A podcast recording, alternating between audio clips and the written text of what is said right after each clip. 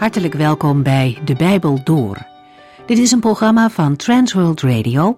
U kunt ons ook vinden op internet www.transworldradio.nl. De Bijbel Door is een radioserie die in vijf jaar tijd door de hele Bijbel gaat. Van Genesis tot Openbaring, van kaft tot kaft.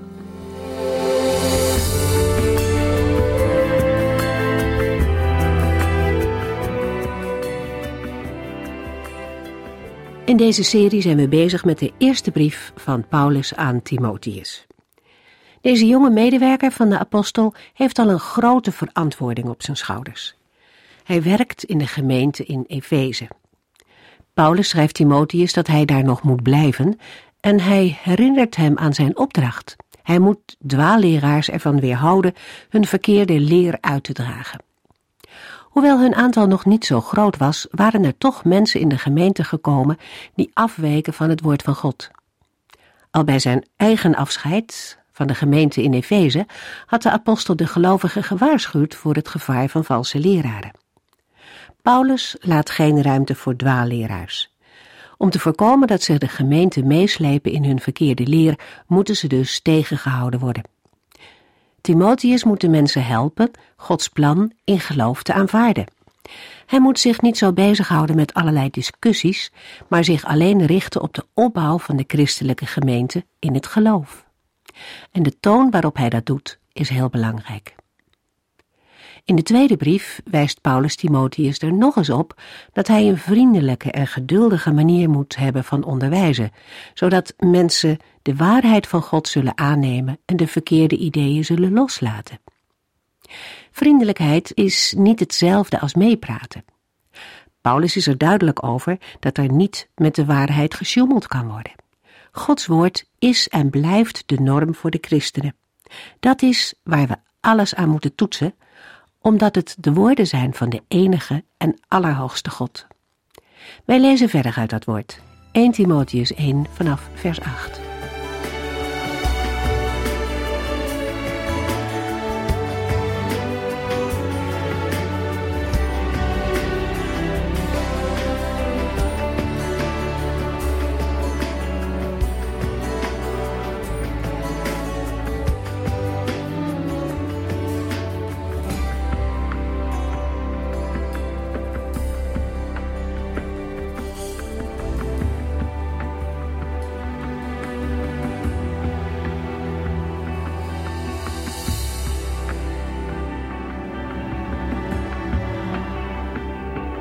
In de vorige uitzending lazen we dat apostel Paulus zijn medewerker Timotheus opdracht geeft de mensen die een verkeerde leer brengen ervan te weerhouden die uit te dragen. In de vorige uitzending zijn we ook ingegaan op de wortels van de verkeerde leer, de gnostiek en het gnostische denken. Paulus, Timotheus en de andere apostelen hebben te strijden tegen een verkeerde leer. Dat het in de twee brieven aan Timotheus om dezelfde verkeerde leer gaat, bewijst de naam van een van de dwaalleraren. Zo wordt de dwaalleraar Hymenaeus zowel in 1 Timotheus 1 vers 20 als ook in 2 Timotheus 2 vers 17 met name genoemd. We noemen nog een keer de kenmerken van de in 1 Timotheus bestreden verkeerde leer. 1. Het brengen van een leer die afwijkt van de leer van de apostelen. 2. Het zich eindeloos bezighouden met verzinsels en stambomen die speculaties ten gevolge hebben. Het geloof van de dwaalleraren heeft schipbreuk geleden, omdat zij de hoop op de opstanding van de doden hebben laten varen en beweren dat deze al heeft plaatsgevonden. De dwaalleraren ontkennen de unieke plaats van Jezus Christus en, uit 1 Timotheus 2 vers 11 en 12 blijkt, dat er wellicht vrouwen een rol spelen in de verbreiding van de dwaalleer. Verder heeft de Heilige Geest door de apostel Paulus duidelijk gemaakt in 1 Timotheus 4 vers 2 tot en met 4 dat deze dwaalleer uitloopt op allerlei onthoudingen die niet door de Here zijn geboden. Ascetische praktijken waarbij het huwelijk wordt verboden, als ook het eten van bepaalde dingen en er zo verachting is voor hetgeen de Heer in zijn schepping heeft gegeven. In dat verband wijst 1 Timotheus 2 vers 15 er mogelijk op dat zelfs het moederschap werd afgewezen. Vandaar dat Paulus vrij scherp over de vrouw zegt, en ik citeer een vertaling van de Griekse tekst: Ze zal worden gered doordat ze kinderen baart, als ze tenminste volhardt in het geloof, de liefde en een heilige ingetogen levenswijze. Ook de opmerkingen over de lichaamsoefening en het niet drinken van wijn kunnen in het licht van de genoemde onthoudingen van de verkeerde leer worden gezien. Vervolgens wijst Paulus in 1 Timotheus 6 vers 5 op een verband tussen geldzucht en de verbreiding van de dwaalleer. We zullen eruit moeten opmaken dat de dwaalleraren zich lieten betalen voor hun onderwijs. Paulus eindigt zijn tekening van de verkeerde leer in 1 Timotheus 6 vers 20 met te zeggen dat de dwaalleraren over hun kennis opscheppen, maar dat zij ten onrechte hun weten kennis noemen. Deze kennis blijkt te bestaan uit holle klanken en tegenstellingen en maakt dat de woordvoerders het spoor van de waarheid kwijt zijn. Het beeld dat Paulus in 1 Timotheus geeft, is dat van een joods georiënteerde dwaalleer, geënt op het gnostische denken. In 1 Timotheus 1 vers 8 lazen we al dat de wetten van de Heere goed zijn, als zij worden toegepast op de manier zoals God het bedoeld heeft. 1 Timotheus 1 vers 9 en 10 Ze zijn er niet voor rechtvaardige mensen, maar voor zondaars die alles wat heilig is verachten en ontwijden. Voor mensen die hun ouders misdadig behandelen en zelfs voor moord niet terugschrikken die ontucht plegen met volwassenen en met kinderen, die anderen als slaven verkopen, die zich schuldig maken aan leugens en mijneed en allerlei dingen doen die ingaan tegen de gezonde leer. Het woordje zij aan het begin van vers 9 hoort bij die wetten uit vers 8. De gebruiker van de wet moet vooraf weten wanneer de wet wel en wanneer deze niet toepasbaar is. De wet moet niet toegepast worden op rechtvaardige mensen, degenen die door het geloof in Jezus Christus gerechtvaardigd zijn. Want de gerechtvaardigde gelovige is met Christus gestorven en daarom van de wet ontslagen. Dat betekent niet dat een gelovige wetteloos zal leven. Nee, een gelovige zal leven onder de leiding van de Heilige Geest, die natuurlijk niet tegengesteld is aan de wet van God.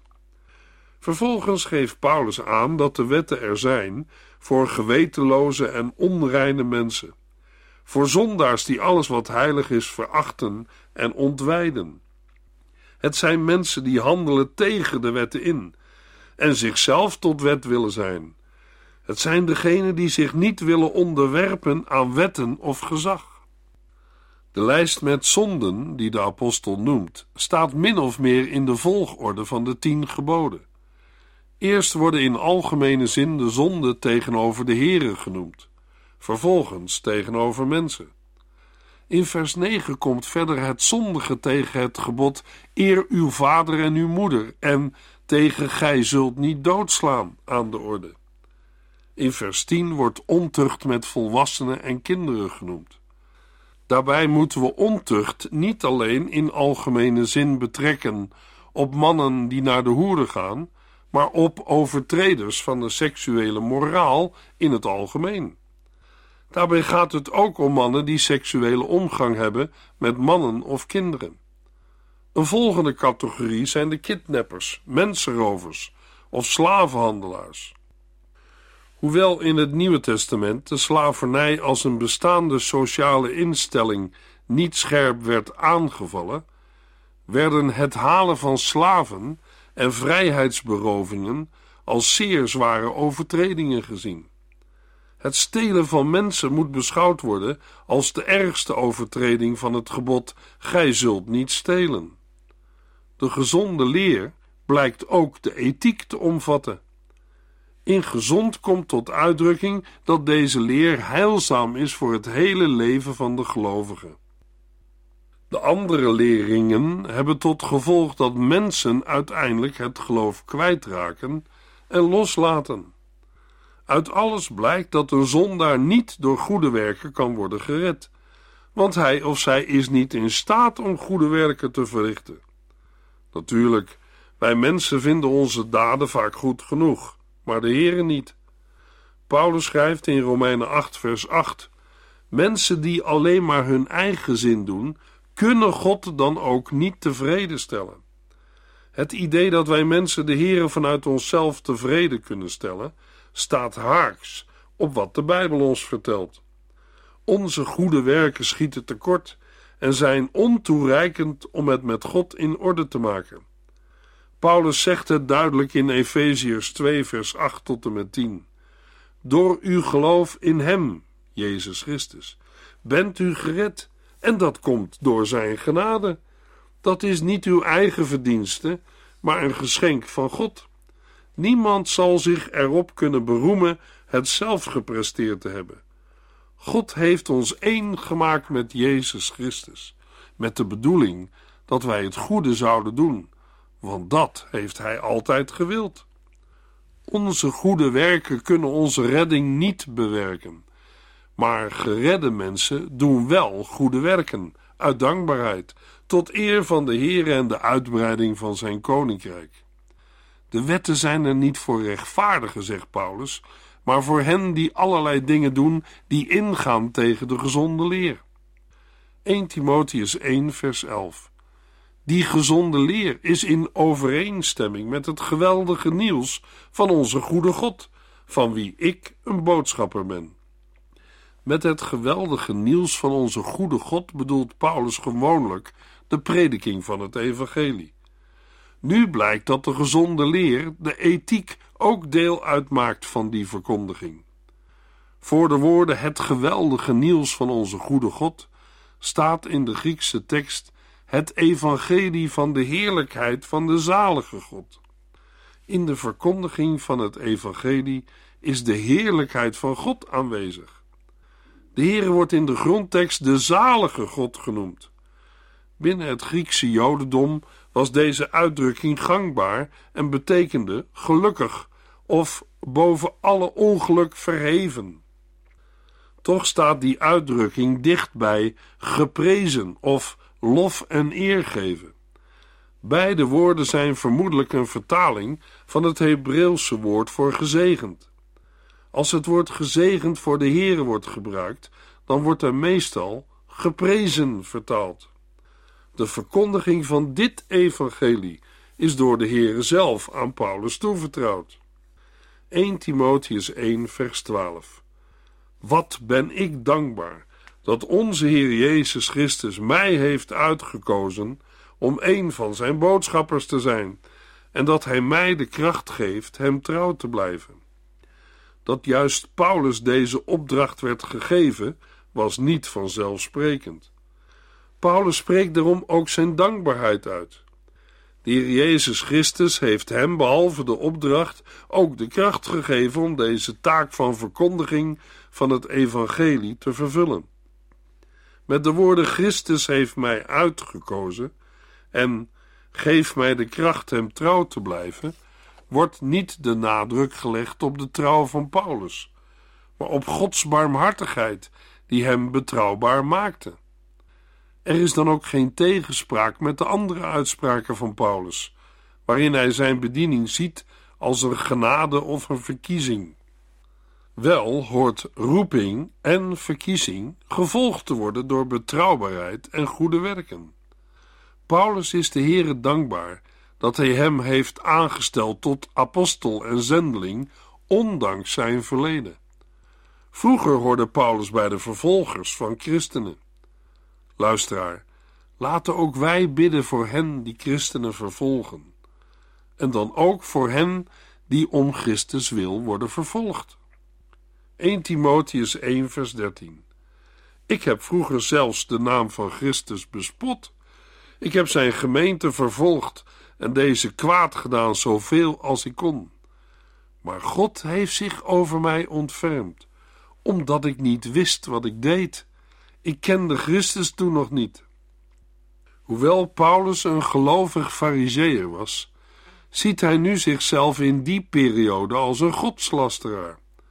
Hij had immers ontkend dat Jezus de Christus, de Zoon van God was.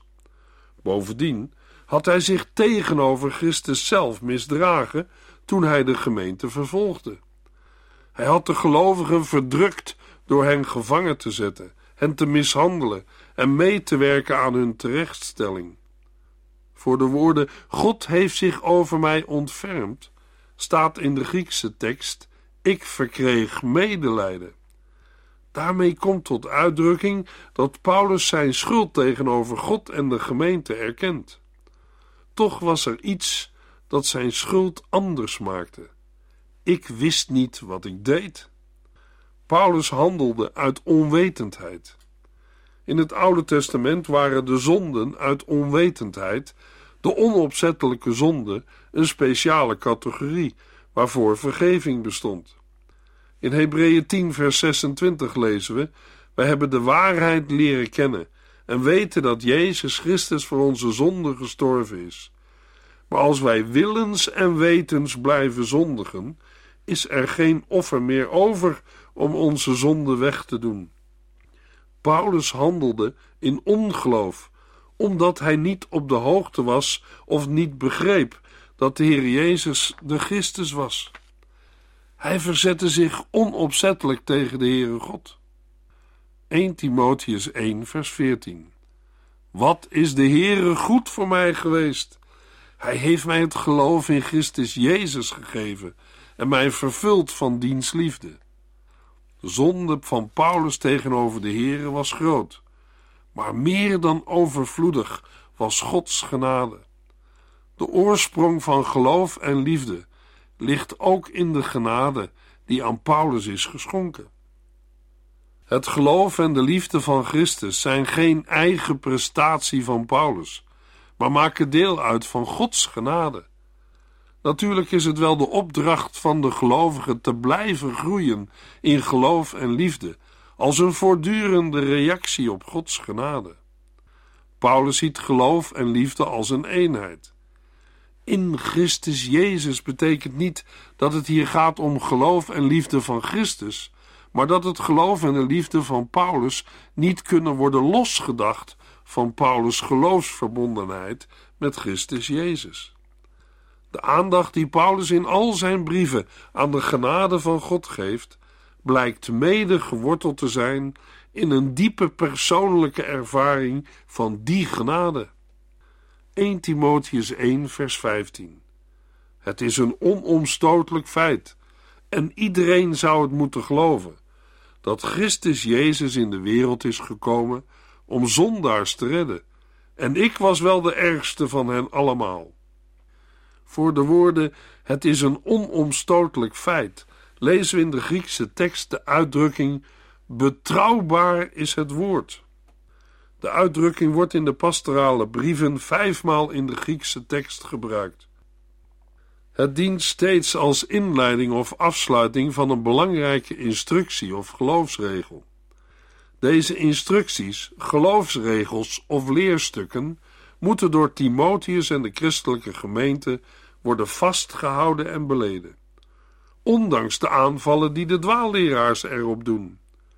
De volgende geloofsregel omvat de kernboodschap van het Evangelie. De komst van Jezus Christus in de wereld vertelt ons dat Jezus Christus voor die komst in de hemel bij God was. Dat de Zoon in dit verband al Jezus Christus genoemd wordt, geeft aan dat bij dit gebeuren Christus en de mens Jezus niet gescheiden mogen worden. Gods volheid werd mens in Jezus Christus. Daarna noemt Paulus zich in vers 15 de ergste van alle zondaars. Dat wil zeggen, een van de grootste zondaars, omdat hij de gemeente van Christus had vervolgd. Ook al had hij geleefd overeenkomstig de wet, en was er naar de gerechtigheid van de wet niets op hem aan te merken, toch wist hij dat hij door de wet niet voor God rechtvaardig kon worden. In Gods ogen was hij een zondaar die genade nodig had. 1 Timotheus 1, vers 16. Maar God heeft mij vergeven, opdat Jezus Christus mij zou kunnen gebruiken als een voorbeeld om te laten zien hoeveel geduld hij heeft. Zo zullen anderen beseffen dat ook zij eeuwig leven kunnen krijgen. De belangrijkste reden waarom Paulus vergeving heeft ontvangen, was niet zijn onwetendheid, maar Gods genade. Zoals Paulus een eerste of voornaamste was geweest in de zonde, zo heeft God hem nu gemaakt tot een eerste of voornaamste in de begenadiging. Paulus ontving buitengewoon veel genade van de Heer. Door de genade van God werd hij de meest zegenrijke apostel. Wij moeten daarbij denken aan uitspraken van de Heer Jezus. Maar vele eersten zullen de laatste zijn, en vele laatsten de eersten. In deze begenadiging van Paulus wordt de grootheid van het geduld van Christus openbaar.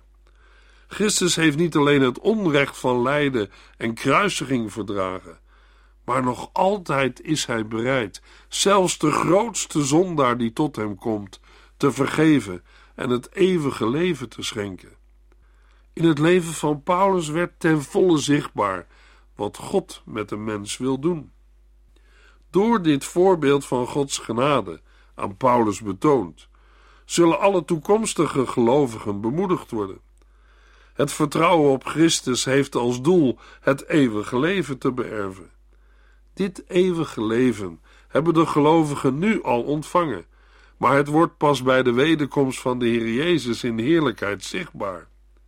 Colossense 3 vers 4 Eens wanneer Christus, die ons leven is, zichtbaar voor iedereen zal terugkomen, zal blijken dat ook u deel hebt aan zijn glorierijke macht. 1 Timotheus 1 vers 17 Alle eer en heerlijkheid is voor God, voor altijd en eeuwig. Hij is de koning van alle eeuwen, de onzichtbare, die nimmer sterft. Alleen Hij is God. Amen. Diep onder de indruk van Gods grote genade komt Paulus als vanzelf tot lofprijzing. De woorden Hij is de koning van alle eeuwen wijst vermoedelijk terug naar het woord eeuwig in vers 16. De Heere regeert vanaf de beginnen tot in de eeuwigheid. Door de woorden de onzichtbare die nimmer sterft, alleen Hij is God, wordt de oneindige majesteit van de Heere aangegeven, boven de sterfelijkheid van onze zichtbare wereld en ons beperkte menselijke verstand. Menselijke woorden schieten altijd tekort wanneer het gaat om de overweldigende ervaring van Gods genade. In Efeziërs 3, vers 18 tot en met 21 lezen we: Dan zult u samen met alle gelovigen zien hoe breed, lang, hoog en diep de liefde van Christus is. U zult ervaren en begrijpen dat die liefde van Christus ons menselijk verstand te boven gaat. Uw hele wezen zal dan vol van God zijn. God kan oneindig veel meer doen dan wij ooit kunnen bidden of beseffen. Dat blijkt uit de kracht die in ons werkt. Hem komt voor altijd en eeuwig alle eer toe in de gemeente door Jezus Christus. Amen. De uitdrukking voor altijd en eeuwig geeft alle nog komende tijdsperiode aan. In 2 Timotheus 4 vers 18 schrijft Paulus aan Timotheus: Ja, de Heere zal er altijd voor zorgen dat mij geen kwaad overkomt. Hij zal mij veilig in zijn hemels koninkrijk brengen.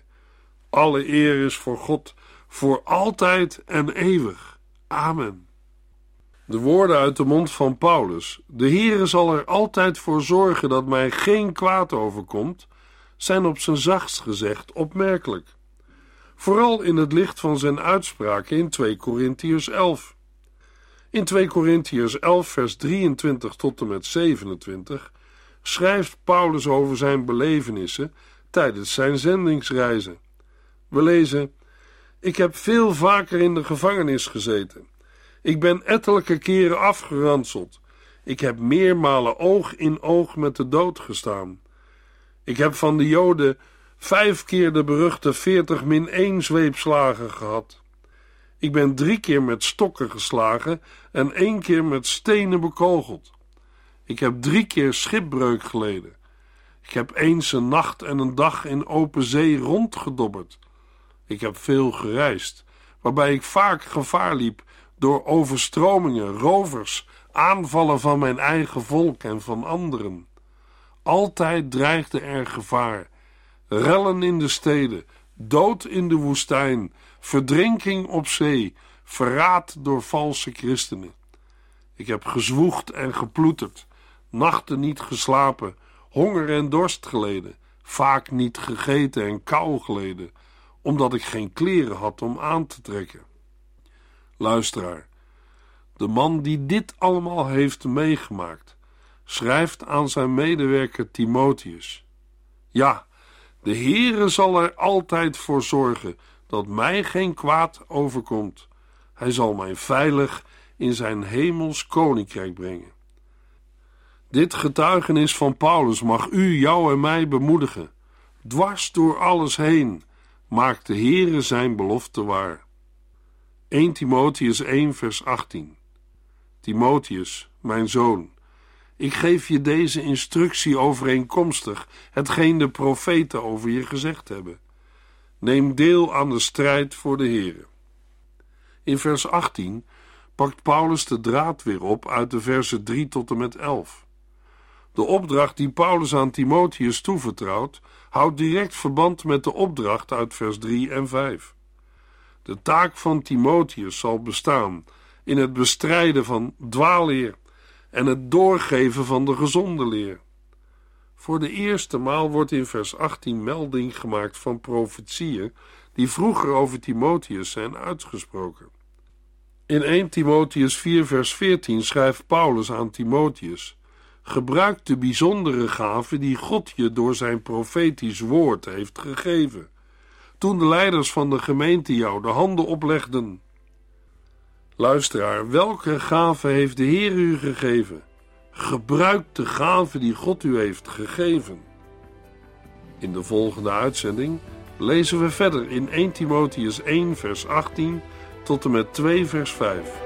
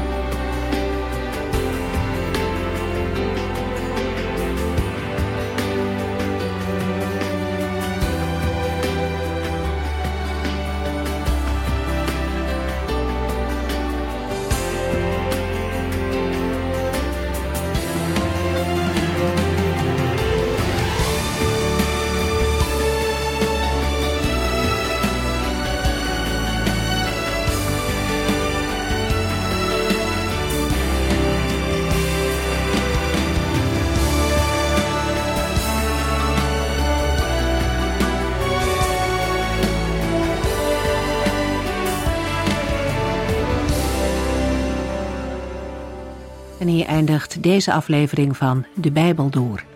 Een serie programma's van Transworld Radio.